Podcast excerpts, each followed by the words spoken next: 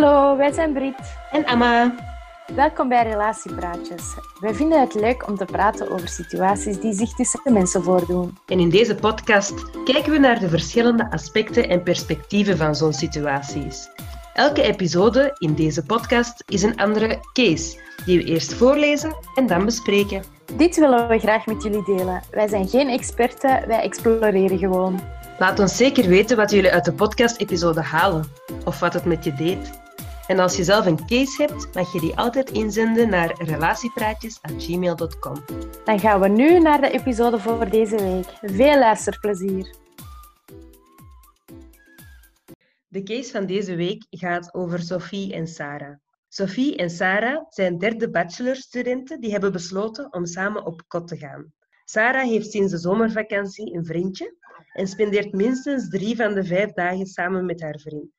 Sophie had zich het kotleven met haar beste vriendin heel anders voorgesteld, maar durft de confrontatie niet aan te gaan, uit schrik dat dit een breuk zal brengen in de vriendschap en het kotleven. Ja, ik denk dat dat wel zo vaker situaties zijn die voorkomen.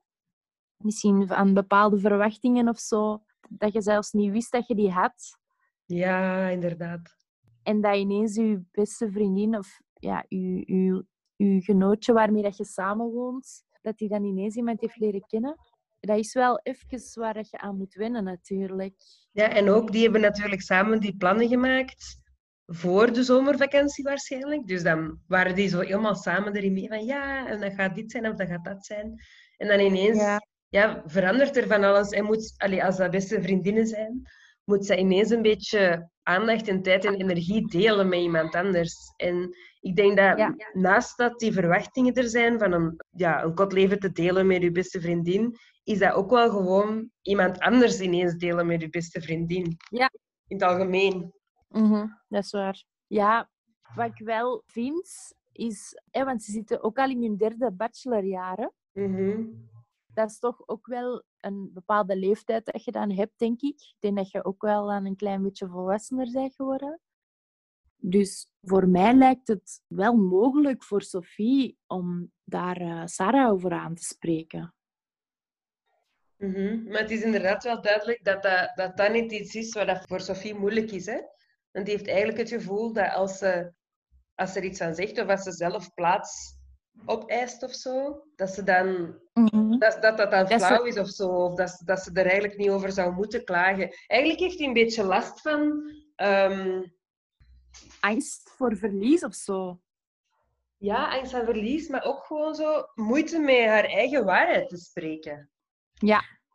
Want dat is helemaal, daar is helemaal niks mis mee met daar gewoon iets van te zeggen, van wat er bij haar speelt. Ik denk dat heel veel ervan afhangt hoe dat je zoiets ook zegt. Dat is waar. En wat ik ook denk is misschien omdat je dan eigenlijk wilt uitleggen dat je dat niet zo fijn vindt of je vindt dat eigenlijk jammer, dan zou dat bijna al kunnen lijken alsof dat je niet blij bent voor je vriendin, maar dat is het eigenlijk helemaal niet. Mm -hmm. En ik denk dat het dan zo veel groter kan zijn dan dat dat eigenlijk bedoeld is. Ja, en ik denk inderdaad, als je daar op een constructieve, goede manier over kunt babbelen, dat, dat je dan ook een oplossing kunt vinden. Want eigenlijk, als Sophie daar nooit iets van zegt, dan weet Sarah toch helemaal niet nee. dat, dat dat eigenlijk een probleem is voor Sophie. Want voor Sarah is dat leuk, hè? die zit op kot met haar beste vriendin ah. en die is een lief. Tuurlijk. Ja, dat is waar. En ze zijn twee dagen alleen, dus ja, het is wel mogelijk om daar iets van te kunnen zeggen. Ja, en even goed ook. Allee, er zijn toch andere mensen die ook op kot zitten en die geen lief hebben en die elke avond van de week of elke dag van de week iets gaan doen. Dus ik denk ook wel dat het een beetje aan Sophie is om zich niet te fel te focussen ah, ja. op Sarah. En om dan te zien ja. van die andere dagen dat ze ook andere vrienden ziet of een hobby doet. Of, ja. Dat is waar. Want inderdaad, misschien hangt Sophie te hard vast aan het idee van hoe het jaar er ging uitzien voor hun. En dat is gewoon een supergoeie leerschool om te beseffen dat alles wel een beetje kan veranderen en dat dat Ja. niet per se slecht hoeft te zijn of zo. Inderdaad, inderdaad. Dat is keihard waar. Dat is eigenlijk een keigoede leerschool om, om te leren omgaan met ja, tegenslagen misschien of, of dingen die moeilijker zijn en om er toch het beste van te maken. Maar nog altijd Ja. denk ik, dat is één ding, van je kunt er toch het beste van maken.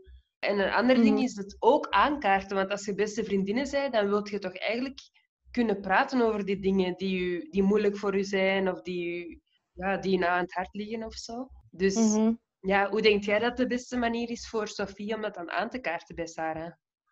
Goh, ik zou, ja, zeker in, in de dagen dan dat, dat, je, dat je samen bent en dat je zo iets leuks samen aan het doen bent en dat je voelt dat er een opening is, dat je dat gewoon eventjes kunt uitleggen en daar ook niet niks te zwaar van moet maken of zo, maar gewoon even uitleggen van hoe dat je je erbij voelt. Mhm. Eh, maar ik snap ook dat dat niet gemakkelijk is. Hè? Allee, ja. Nee, en ik denk ook dat Sophie goed moet weten wat ze eigenlijk wilt. Want je kunt inderdaad wel uitleggen hoe dat je voelt en zo, maar ik denk dat het altijd goed is om constructief na te denken over oké, maar wat wil ik eigenlijk van mijn vriendin? Wil ik gewoon even kunnen zeggen hoe dat ik mij daarbij voel, of wil ik echt een verandering zien? Ah ja, ja, dat is waar. Want misschien door het gewoon al uit te spreken, is dat al voldoende. En hoeft er eigenlijk niet veel verandering te zijn. Maar door gewoon dat al te zeggen, kan dat eigenlijk al een opluchting zijn. En dan weet Sarah dat ook. En dan kan zij er misschien een beetje rekening mee houden. Maar dan hoeft dat niet te betekenen dat er ineens superveel eh, terug moet veranderen of zo. Nee. En veel hangt ook af van wie Sarah is en hoe dat zij reageert op zo'n dingen natuurlijk. Hè. Evengoed heeft Ja. Sarah kei veel begrip ervoor en is dat supergoed, maar evengoed is dat, is dat iemand die wat harder is en zegt hij van zeg, doe eens niet flauw. En, maar ja, dan, dan nog kan zij conclusies daaruit trekken. De manier hoe dat haar beste vriendin daar dan op reageert. Ja, zeker. Maar ik denk dat het heel belangrijk is dan dat Sophie dat gewoon zo goed mogelijk zegt, waardoor dat Sarah zich niet aangevallen hoeft te voelen of zo. Ik denk dat het vooral heel belangrijk is dat de, degene die het zegt, dat die, die communicatie duidelijk is en dat dat op een liefdevolle manier is en dat dat echt niet slecht bedoeld is. Want daar, daarvan hangt heel erg de reactie af van Sarah dan. Ja, ja, dat is wel waar inderdaad. heb ik echt het gevoel, hè? want ik denk niet.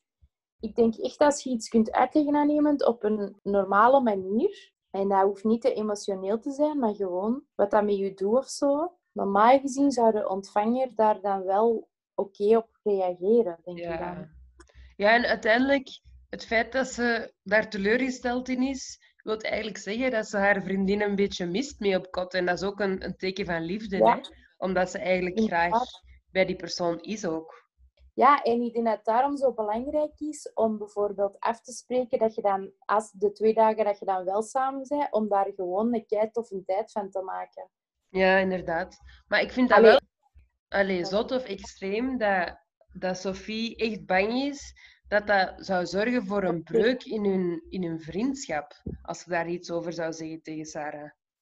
Ja, je weet natuurlijk niet hoe dat die relatie is of hoe dat, wie, hoe dat Sarah is of zo. En ergens kan ik dat wel begrijpen, want dat wil denk ik echt gewoon zeggen dat zij problemen heeft met zich te uiten en heel veel angst heeft voor verlies. Ja, ik moet toch heel de tijd ook denken aan het feit dat het ook wel goed is gewoon als, als Sophie ook andere dingen te doen heeft of andere vrienden maakt. Want Ja. Dan, als je twee keer per week samen bent, dat is toch eigenlijk... Allee, ik vind dat persoonlijk dan al veel. Als je dan twee keer per Ja, week je beste eigenlijk. vriendin kunt zijn. Als je niet zelf veel te doen hebt of zo, dan zijn dat misschien maar eenzame avonden, hè. Allee, ik spreek altijd avonden, Dat is waar. maar ja. Ja, het is gewoon een goede les voor haar om misschien iets wat meer zelf dingen te doen of te ontdekken. Want misschien is ze wel iemand die wat afhankelijk is van haar vriendin. Ja. Ja, het zijn goede leer, eh, leerscholen. Mhm.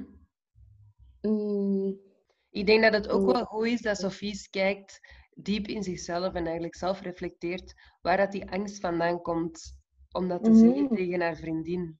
ja. Omdat daar sowieso wel een diepere wortel of root in zit van vroeger of zo al. Of Mhm. dat ze misschien vroeger bij haar ouders of bij broers of zussen of zo minder het gevoel had dat ze, dat ze kon zeggen wat ze wou zeggen zonder dat er een felle reactie op kwam of zo. ja, dat denk ik Ehm, ook. Ja. daar zit sowieso wel iets dieper of zo, wat dan nu naar boven komt in relatie tot Sarah, maar dat eigenlijk iets dieper is wat dat bij Sophie ook zit, die angst. Dat is een goeie. Mhm. Heb je nog iets te zeggen over deze case? Nee, niet per se, denk ik. Nee. Oké, dan kunnen we de episode hier afsluiten. Doei! Bedankt om te luisteren naar deze episode. Wij zijn heel benieuwd wat je ervan vond, waar je aan dacht of wat het met je deed. Laat het ons zeker weten in de comments of stuur ons een mailtje. Zo weten wij ook wat jullie leuk of interessant vinden. Wij verwelkomen ook graag jullie cases in onze mailbox. Dat mag naar relatiepraatjes.gmail.com. Vergeet je niet in te schrijven op deze podcast als je naar de volgende episodes wil luisteren. En dan wensen we je nog een fijne dag verder. Dag!